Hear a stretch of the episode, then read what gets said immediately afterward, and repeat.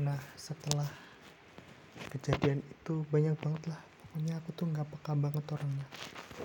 Terus aku pernah waktu ketemu gitu kan. Dia bilang ayo eh Vin sini dong. Gue mau ngomong dia bilang gitu. Dan anjir bener lah. Aku cuma datang doang terus ada apa kamu mau ngomong apa? Gitu. Kalau nggak ada yang mau diomongin ya udah aku pergi dulu. Sumpah di situ aku tuh malu cuman nyesel di sisi lain nyesel beneran nyesel. Tahu kalau kayak gitu pengen banget balik ke masa lalu beneran. Deh pengen balik ke masa lalu ngubah itu semua. Tapi aku tahu kalau itu tuh nggak bisa gitu. Ya semoga bila tau lah.